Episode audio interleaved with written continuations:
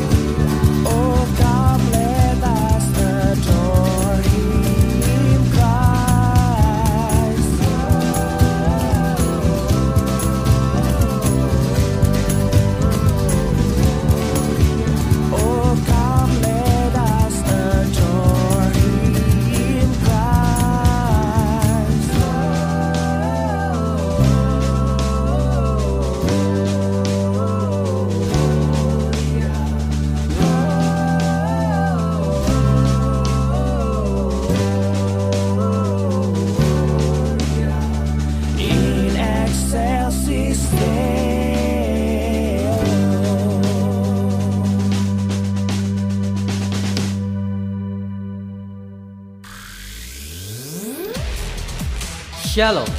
Anda akan mendengarkan program Kuasa dalam firman-Nya yang disampaikan oleh Pastor Dorcas Daud dari Hope ACC dan Dorcas Ministries. Selamat mendengarkan. Oke, kita akan membuka firman Allah dalam kejadian pasal yang ke-8 ayat yang keempat. Kejadian pasal 8 ayat yang keempat. Kita akan membaca firman Tuhan bersama-sama dengan sungguh-sungguh. Dalam bulan yang ketujuh, pada hari yang ke-17 bulan itu, terkandaslah Batra itu pada pegunungan Ararat. Nah kita harus tahu bahwa ayat ini adalah cuplikan atau sebagian daripada kisah yang terjadi pada zaman Nuh. Di mana pada waktu zaman Nuh, Allah harus membinasakan umat manusia di atas muka bumi yang sudah tidak seturut dengan ke- keinginan hati Allah yang sudah maunya sendiri dengan mendatangkan air bah.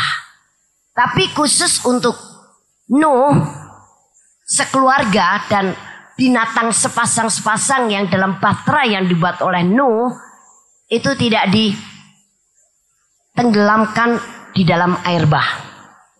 Dan air bah itu terus makin lama makin tinggi sampai semuanya binasa. Selama berapa lama? Selama 40 hari dan malam. Tapi ternyata sesudah 40 hari dan malam air bah itu surut. Tepatnya yaitu pada hari ke eh, bulan yang ketujuh pada hari yang ke-17 bulan itu. Air bah surut dan ternyata bahteranya Nuh itu kandas di pegunungan Ararat. Air bah ini adalah air bah penghakiman. Karena manusia sudah tidak peduli kepada Allah. Manusia tidak mau tahu tentang Allah. Itu sebabnya harus dimusnahkan. Tapi keluarga Nuh sepasang-sepasang dan binatang sepasang diselamatkan oleh Allah dari air bah itu supaya mereka nanti tetap bisa menurunkan generasi berikutnya. Dan ketika air bah surut, maka bahtera Nuh kandas di pegunungan Ararat yang dalam bahasa Ibrani Ararat itu adalah kutuk yang dijungkir balikan. Jadi artinya kutuk yang udah dikacaukan, dirusak, dirubah. Jadi apa? Kalau kutuk dijungkir balikan, dirubah, pasti jadi berkat. Tapi kalau berkat yang dijungkir balikan, dirubah, ya jadi kutuk. Nah ternyata Bahtera Nuh itu terkandas atau kandas di satu pegunungan yang kutuknya sudah dijungkir balikan. Batra itu terempas di sebuah tanah yang baru. Tanah yang sudah tidak terkutuk lagi. Tapi karena kutuknya sudah dijungkir balikan. Sekarang tanah itu menjadi tanah yang diberkati. Dan yang luar biasa adalah pada saat air bah penghakiman itu surut, waktunya tepat dengan 4000 tahun kemudian ketika Yesus bangkit dari kematian. Jelasnya yaitu terjadi pada tanggal 17 bulan ketujuh pada perayaan buah sulung. Ternyata 4000 tahun kemudian ketika Yesus sudah mati dan bangkit pada tanggal yang sama. Nah, jadi apa hubungannya dan pengertiannya, aplikasinya tentang Bahtera Nuh yang kandas di atas pegunungan Ararat yang menjadi tanah yang baru dari tanah yang terkutuk sekarang menjadi tanah yang sudah jungkir balikan dan tanah yang diberkati dengan kebangkitan Yesus dari kematian. Nah, kita tahu bahwa Yesus mati di atas kayu salib bukan karena dosanya sendiri. Yesus mati di atas kayu salib bukan karena dia menjadi manusia terkutuk. Sebetulnya yang berdosa dan terkutuk, itu adalah umat manusia.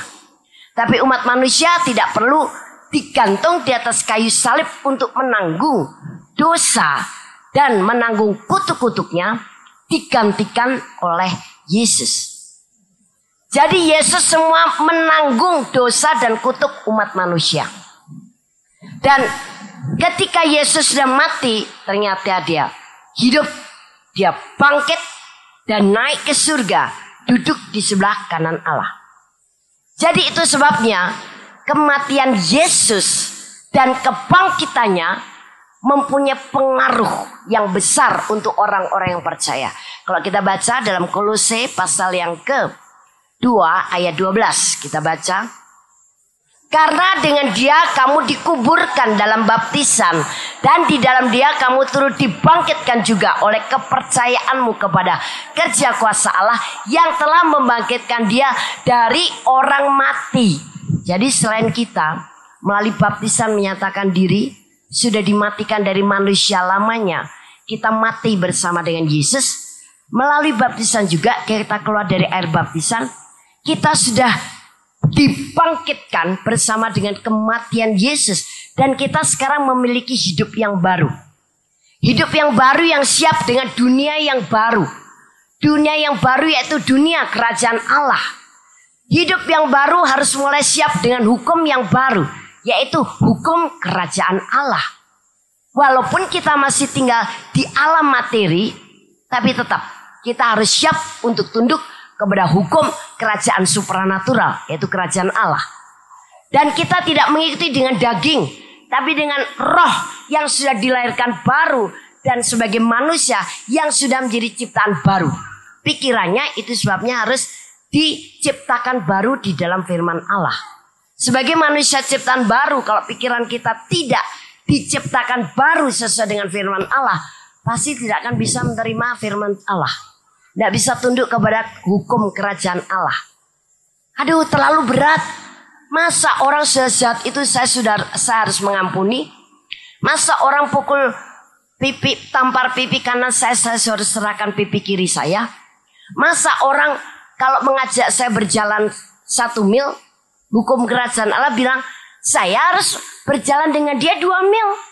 Kalau ada orang minta baju saya, saya harus kasih jubah saya baju saya dan jubah saya.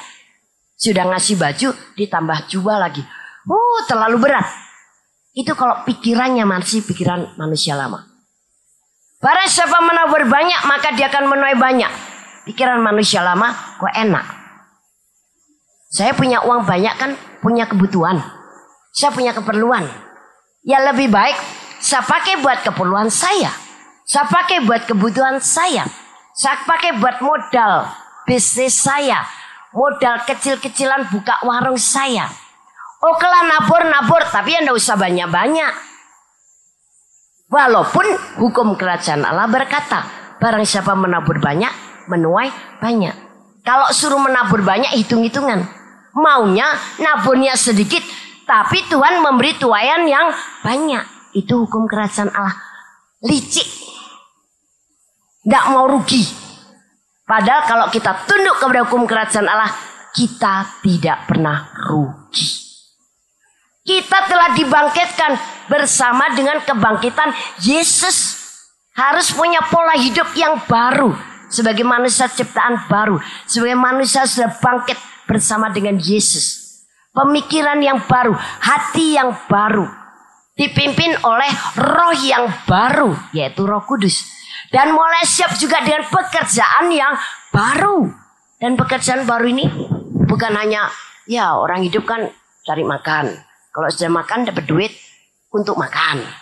Kalau sudah makan buat kerja. Kalau sudah kerja kan dapat duit. Nah, duit buat makan. Nah, nanti kalau udah gede kawin. Udah kawin mesti harus punya rumah, mesti harus punya anak. Kita kerja lagi dapat duit. Nanti buat makan sekeluarga. Kalau sudah makan ya buat supaya kita kerja. Nah, itu manusia lama. Pekerjaannya pekerjaan lama yang memang itulah dikerjakan oleh semua umat manusia yang ada di kolong di bawah kolong langit ini. Manusia hidup dalam di bawah kutub. Tapi manusia ciptaan baru yang sudah mengalami kebangkitan bersama-sama dengan Yesus harus siap dengan program atau rencana yang baru dari Allah. Pekerjaan yang baru yaitu apa? Pekerjaan yang berkaitan dengan firman Allah. Pekerjaan yang berkaitan dengan kerajaan Allah. Jadi itu sebabnya kalau kita tahu bahwa kita harus siap dengan pekerjaan yang baru seperti itu. Kita bukan menjadi orang yang beragama Kristen saja. Tapi dalam kekristenan kita ada satu gairah, ada satu kesadaran, ya, gairah karena kesadaran bahwa kita harus mulai kerja buat pekerjaan Tuhan. Kita harus mulai kerja untuk memuliakan Tuhan. Kita harus mulai memamerkan Tuhan. Kita harus mulai promosi tentang kerajaan Allah. Kita harus mulai terapkan tentang kerajaan Allah ke dunia ini. Jadi tahu bahwa yang kami bagikan kepada orang lain, yang kami berikan, yang kami pertontonkan, yang kami demonstrasikan, yang kami contohkan kepada orang lain di dunia ini adalah perkara-perkara kebenaran kerajaan Allah. Ya, jadi harus siap walaupun status Anda bukan seorang katakan evangelis, pastor, walaupun mungkin bukan seorang pendeta. Tapi tetap hidup Anda dalam segala bidang dikaitkan dengan kerajaan Allah sehingga menghasilkan pekerjaan yang memuliakan Tuhan. Sebagai manusia ciptaan baru sudah bangkit dari kematian. Manusia lama yang penuh dosa hidup di bawah kutuk. Sekarang sudah masuk dalam anugerah dalam Yesus Kristus. Harus berbeda. Bukan berarti Anda tidak boleh kerja sebagai sekretaris, sebagai bendahara mungkin di perusahaan, atau sebagai guru, atau sebagai apa saja bisnis woman, businessman, atau apa saja bukan berarti begitu. Tapi Anda harus menyediakan diri untuk dipakai menjadi alat bagi pekerjaan Tuhan. Jadi harus melibatkan diri dari dalam pekerjaan Tuhan. Jangan Anda berpikir sudah bergereja di sebuah gereja. Gereja adalah untuk kita belajar, diajar, digodok, ditumbuhkan, dibina. Tapi bahwa masing-masing manusia ciptaan baru ini harus siap terlibat dalam pekerjaan baru. Pekerjaan baru bukan karena Anda diterima di satu perusahaan yang baru. No. Itu orang yang bukan percaya Yesus juga begitu pikirannya. Pekerjaan baru adalah pekerjaan Allah. Ketemu teman di kantor, why not? You beritakan tentang kasih Yesus. Atau dia punya problem, berikan nasihat sesuai dengan firman Allah. Tawarkan dirimu untuk berdoa bagi dia. Nah itu berarti Anda siap dengan pekerjaan yang baru. Nah jadi karena kita sudah bersama dengan kebangkitan di, di dalam Yesus Kristus. Bersama dengan kebangkitan Yesus Kristus. Maka kita sekarang juga Yesus itu merupakan bahtera abadi kita. Jadi bahtera Nuh ada di pegunungan Ararat yang sudah dirubah jadi tanah yang diberkati, jadi tanah terkutuk. Air penghakiman surut jadi tanah yang diberkati. Yesus sekarang menjadi bahtera abadi kita. Berarti kita sudah berdiri di atas tanah yang sudah diberkati. Amin. Jadi jangan susah-susah mikir, waduh, zaman sekarang ya kerja susah. Oh kita mesti kerja keras, kita mesti rajin untuk bisnis kalau dunianya bisnis. Karena kalau kita tidak mengejar bisnis, wah kita tidak dapat, tidak bakal dapat duit banyak. Kita tidak akan dapat berkat banyak. Padahal ketika kita sudah menjadi manusia ciptaan baru, sudah hidup di dalam kebangkitan Yesus. Engkau sudah berdiri di tanah yang dulu memang terkutuk. Bumi ini dulu terkutuk. Tapi sejak Yesus mati di kayu salib, darahnya tercurah dari tubuhnya, mengalir sampai habis dari ujung kepala sampai ujung kaki. Darahnya mengalir semuanya. Bumi sudah terlanjur menyedot, menyerap, meminum darah Yesus. Jadi bumi yang terkutuk karena sudah menyedot, menyerap, meminum darah Yesus yang terkucur di atas kayu salib 2000 tahun yang lalu. Sekarang sudah ditahirkan. Sekarang sudah dikuduskan. Dari tanah yang terkutuk, sekarang tanah yang diberkati. Luar biasa kekuasaan darah Yesus itu. Nah, kita sekarang berdiri di atas tanah di mana saja sebetulnya. Engkau diberkati. Engkau mau kerja di Magelang, kerja di Bandung, engkau mau melayani di Bandung, di Jakarta, engkau diberkati. Darah itu sudah mentahirkan kutuk. Darah itu sudah menguduskan kutuk, menguduskan tempat. Loh, Bu, tapi kan darahnya Yesus di Israel sana. Sedangkan saya ada di Soreang, Bu. Soreang sama Israel, aduh. Nggak kebayang jauhnya, nggak usah. Soreang, Jakarta ibu kota saja dengan Israel ya jauh lah. Tapi secara roh karena darah Yesus punya kekuatan kuasa Allah yang luar biasa sekalipun hanya menetes di atas kayu salib di bukit Golgota kuasa darahnya menguduskan seluruh bagian tanah di bumi ini. Jadi jangan berpikir bahwa engkau hidup di dunia udah penuh sengsara. Cari duit susah, kerjaan gitu-gitu aja, bisnis kecil-kecilan nggak maju-maju. Yang membuat susah itu pemikiranmu yang masih berpikir secara hidup di bawah kutuk. Kalau manusia masih hidup di bawah kutub pikirannya, pasti akan berusaha mengatasi keadaan, mengatasi kehidupan, mengatasi kesulitan dengan apa? Dengan kekuatannya sendiri. Tapi kalau manusia sudah sadar, orang kita sudah bebas dari kutuk itu, apalagi dia tinggal di atas tanah yang sudah diberkati, sudah tidak di bawah kutuk lagi, maka dia akan mengandalkan Tuhan. Bukan mengandalkan kekuatannya sendiri. Kalau mengandalkan kekuatannya sendiri, karena dia masih dengan cara berpikir secara terkutuk. Aduh caranya gimana ya? Aduh gimana ya? Ini gimana ya? Oh gini aja deh. Kita pura-pura ya ngelakuin ini supaya ini. Mulai akal bulus datang. Mulai akal-akalan datang. Mulai pikiran licik ada.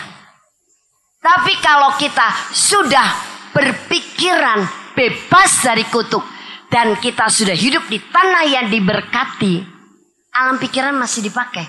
Tapi dipakai untuk apa? Minta roh hikmat dari Tuhan. Ada kesulitan, ada persoalan ini. Saya menghadapi pekerjaan, saya menghadapi problem, masalah di dunia ini, di atas bumi ini. Ada problem, Tuhan beri kepada saya roh hikmat. Gimana nih caranya? Ini warungku mau tutup. Ini pekerjaanku mau tutup. Ini saya mau di PHK. Ini masalah pekerjaanku cuma serabutan. Kok nggak ada pekerjaannya tetap gitu loh Tuhan. Kita bukan mempertanyakan lagi kepada Tuhan, tapi orang yang sudah berpikir tidak di bawah kutuk, dia mulai mempercayai Tuhan. Itu orang yang sudah di- tidak hidup di kutuk. Tapi kalau masih hidup di kutuk, pikirnya tanya-tanya melulu Tuhan. Kok susah ya? Pekerjaan ini kenapa kok bukan pekerjaan permanen ya? Ada susah Tuhan. Ini cuma jual ini kok ngelaku. Ada Tuhan ngatasi ini gimana ya? Ini begini gimana ya? Mempertanyakan Tuhan terus. Wah, saya ini kok orangnya kok ini. Kenapa sih Tuhan? Saya kok orangnya penakut. Oh, khawatir terus. Kenapa sih Tuhan kok kok izinkan hal ini terjadi? Tanya melulu. Tapi kalau orangnya sudah tidak berpikir di bawah kutuk. Dan dia sadar bahwa dia sudah berdiri di atas tanah yang diberkati, sudah diberkati. Karena darah Yesus, dia orang yang mulai mempercayai Tuhan. Terima kasih Tuhan. Saya tahu Engkau sudah memberikan jalan keluar buat saya. Oh terima kasih Tuhan melalui problem ini. Saya mau melihat kebaikan yang daripadamu. Haleluya. Terima kasih Tuhan janjimu berkata bahwa Engkau sudah memberkati aku. Saya percaya itu. Engkau berkata engkau telah menyembuhkan aku. Aku percaya Tuhan. Terima kasih. Nah jadi orang yang tidak di bawah kutub berpikirnya mempercayai Tuhan. Bukan bertanya melulu mengapa, mengapa, dan mengapa. Otaknya penuh dengan tanda tanya. Tapi orang yang sudah tidak, tidak di bawah kutub, otaknya penuh dengan tanda seru. Amin. Amin. Nah, Kalau tanah ini ternyata adalah tanah yang sudah diberkati, bukan tanah yang terkutuk lagi. Oh, kita sekarang merdeka. Tidak ada ketakutan, tidak ada kekhawatiran. Kita jual tempe, tiba-tiba ke Indonesia barangkali ya melarang tidak boleh jual tempe gitu misalkan ya. Kita nggak takut, waduh, ini nggak boleh jualan tempe lagi di Indonesia nih. Kita nggak takut, waduh terus kita jadi penghasilannya gimana dong? Pemerintah ini gimana sih kejem amat sih? Masa rakyatnya mau jual tempe nggak boleh? Kok keras amat aturannya? Kita nggak takut. Nggak boleh jual tempe. Haleluya. Masih bisa bikin tahu. Nah, di mana saja kita berada karena tanah ini sudah terlanjur menyerap meminum darah Yesus. Don't worry. Saudara pasti berpijak di tanah yang sudah diberkati. Saudara pasti diberkati. Itu adalah dasar iman untuk berkat sampai ke tangan saudara. Tapi kalau saudara memulai dengan ketakutan, memulai dengan ragu-ragu, memulai dengan kebimbangan, memulai dengan kekhawatiran, aduh, jangan-jangan tidak jalan ya. Aduh, jangan-jangan. Nah, itu sudah buka celah. Jangan iman itu yang membuat engkau berhasil di dalam Yesus. Nah, karena kita sudah berada di atas tanah yang diberkati, itu sebabnya kita melihat di dalam Galatia 3 ayat 13.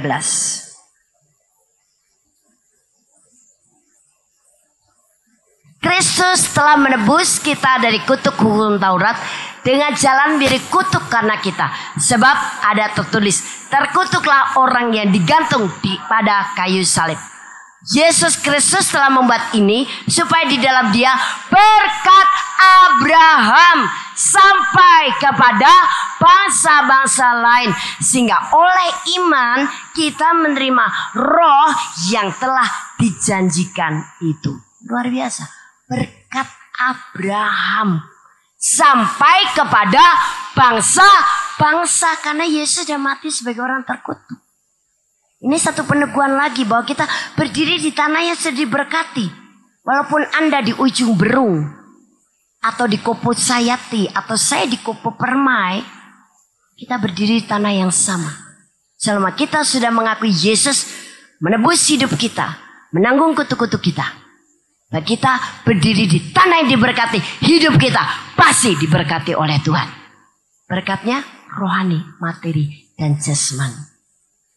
Jadi sekarang kita berhak menerima berkat Abraham. Berkat Abraham itu wow, tidak ada nilainya. Berkat Abraham itu besar sekali. Sampai Allah tidak memperhitungkan kesalahan Abraham ketika dia harus berdusta. Bahwa istrinya itu adalah adiknya, takut dia dibunuh oleh raja. Jadi dia bilang adiknya padahal istrinya. Tapi pada malam hari Tuhan eh, menampakkan diri kepada raja itu dan berkata, lepaskan itu Abraham. Sarah bukan adiknya, dia istrinya. Si raja kaget, wah dia gelisah. Ini besok paginya dipanggillah Abraham, ditegur, eh Abraham, Abraham, kamu, kamu bohong ya. Kamu bilang itu adik kamu, padahal itu istri kamu. Udah, aku ndak mau eh, dimarahi Tuhan, ndak mau kena kutuk Tuhan. Kamu pergi saja dan kamu pergi. Ini saya kasih kamu upeti. Bohong malah diberkati coba. Tapi bukan berarti Anda bisa bohong untuk diberkati ya. Artinya sebetulnya kesimpulan rohaninya. Dalam keadaan seperti apa pun Abraham diberkati. Nah sekarang apalagi kita dalam Yesus. Di mana darah Yesus selain sudah menguduskan kita dan menguduskan bumi yang kita tinggalin ini menjadi kita menjadi orang diberkati, bumi menjadi orang diberkati. Maka berkat Abraham di dalam Yesus luar biasa banyaknya. Tidak terhitung. Yang sering hitung-hitung itu kita. Nah, berkat kok dihitung satu-satu. Ya sedikit dong. Kemarin ya da- eh, kerja dapat oh da- lumayan dapat 100 ribu. Tapi bagi saudara dan saya yang sudah di dalam Yesus, jangan hitung berkatmu satu-satu. walaupun memang harus dihitung. Tapi jangan, aduh kok cuma segini, oh segini. Dihitung, dihitung, dihitung. Dalam iman dan benak saudara.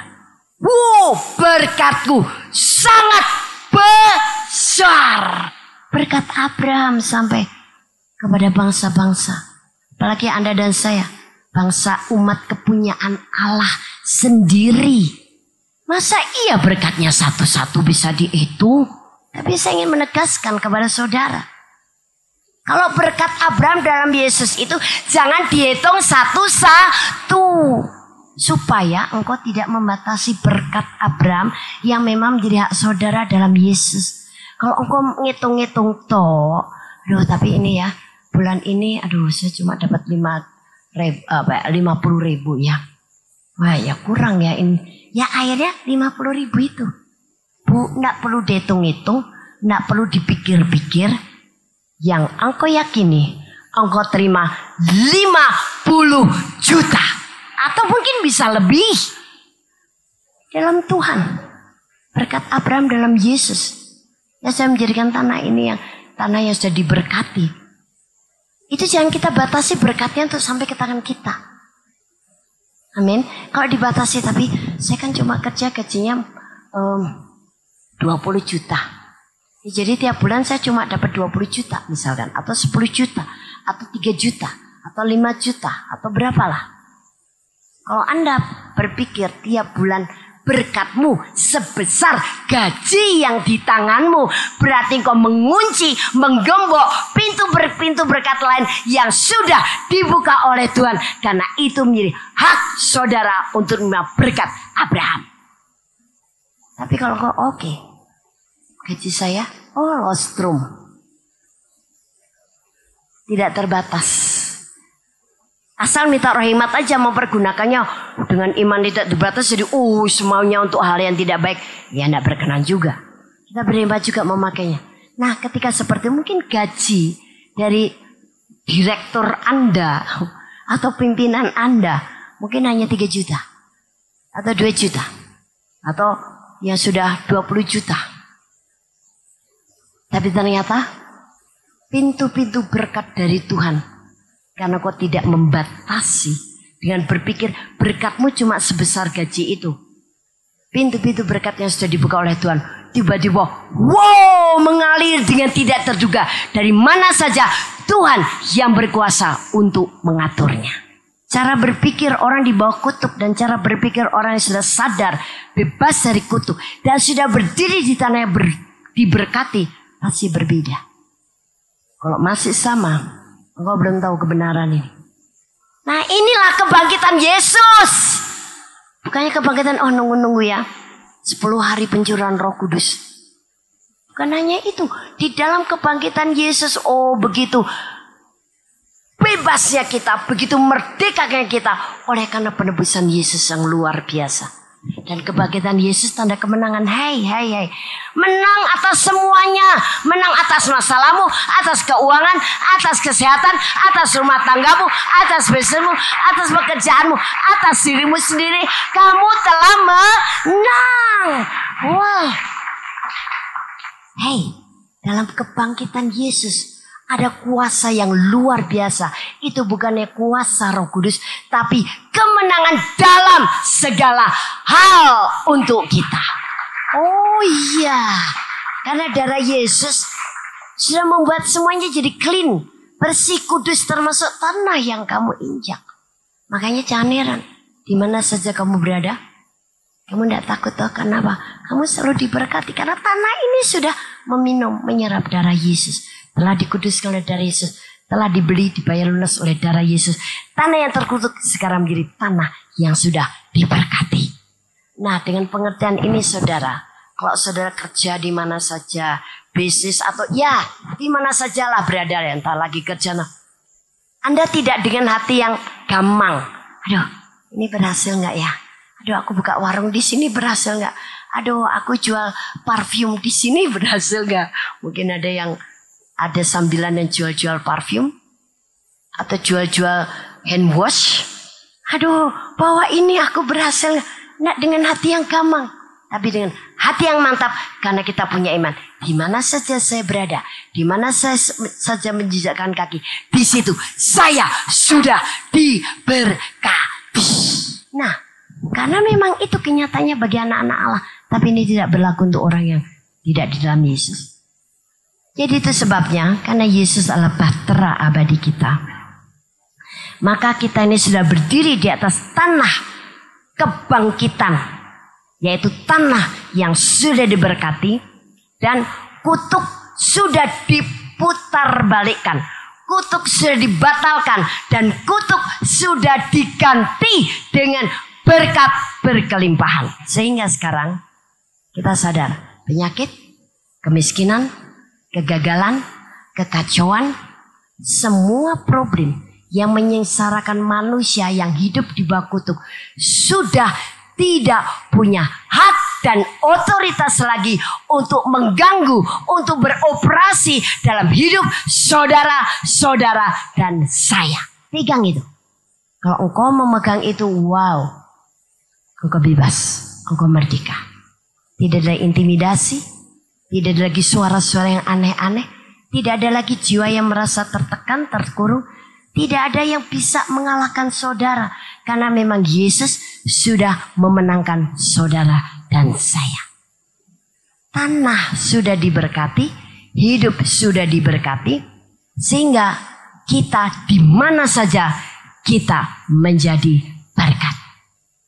Karena memang Yesus Kristus sudah memberikan berkat Abraham yang tidak terbatas untuk saudara dan saya, rohani, materi maupun jasmani, sampai-sampai tempat di mana engkau menjejakkan kakimu adalah tempat yang sudah diberkati sehingga hidupmu pasti diberkati. Sakit penyakit, kelemahan, apalagi penderitaan, kesengsaraan, kemiskinan tidak punya hak dan otoritas lagi untuk mengganggu hidup saudara dan saya. Inilah makna kebangkitan Yesus yang sangat sempurna. Tanamkan dengan baik.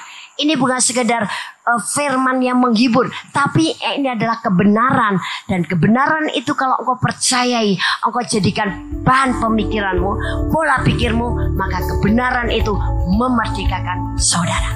Amin. Haleluya.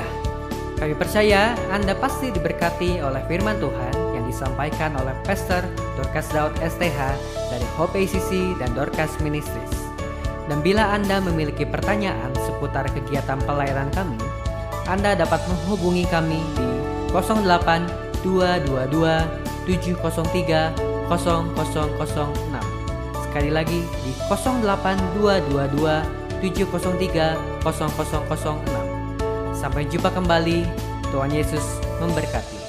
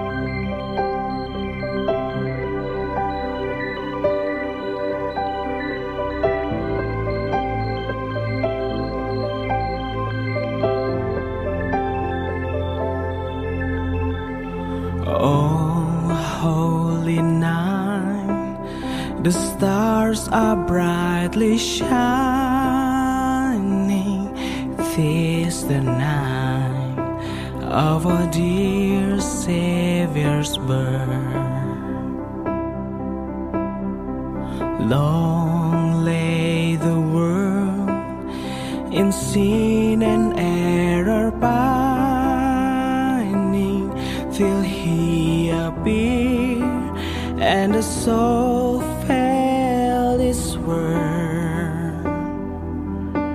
A thrill of hope the weary world rejoices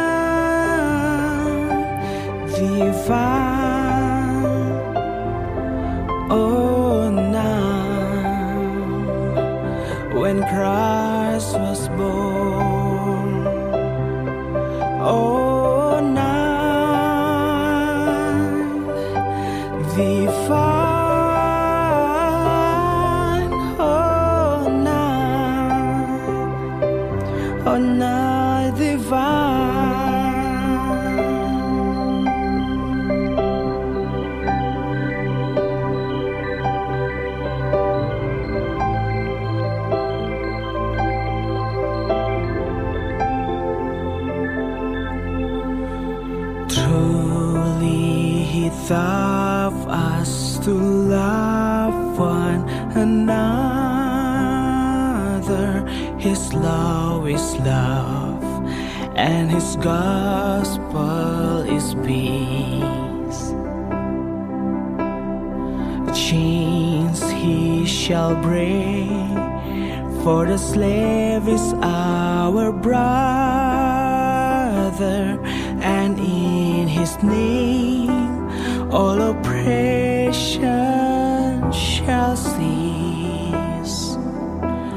with hymns of joy in grateful chorus phrase.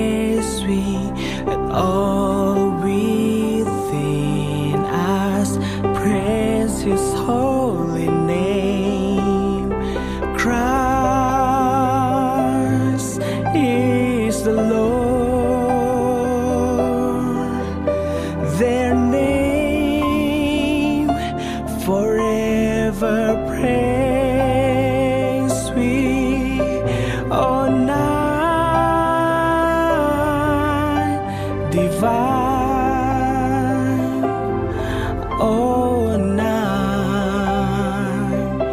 when Christ was born.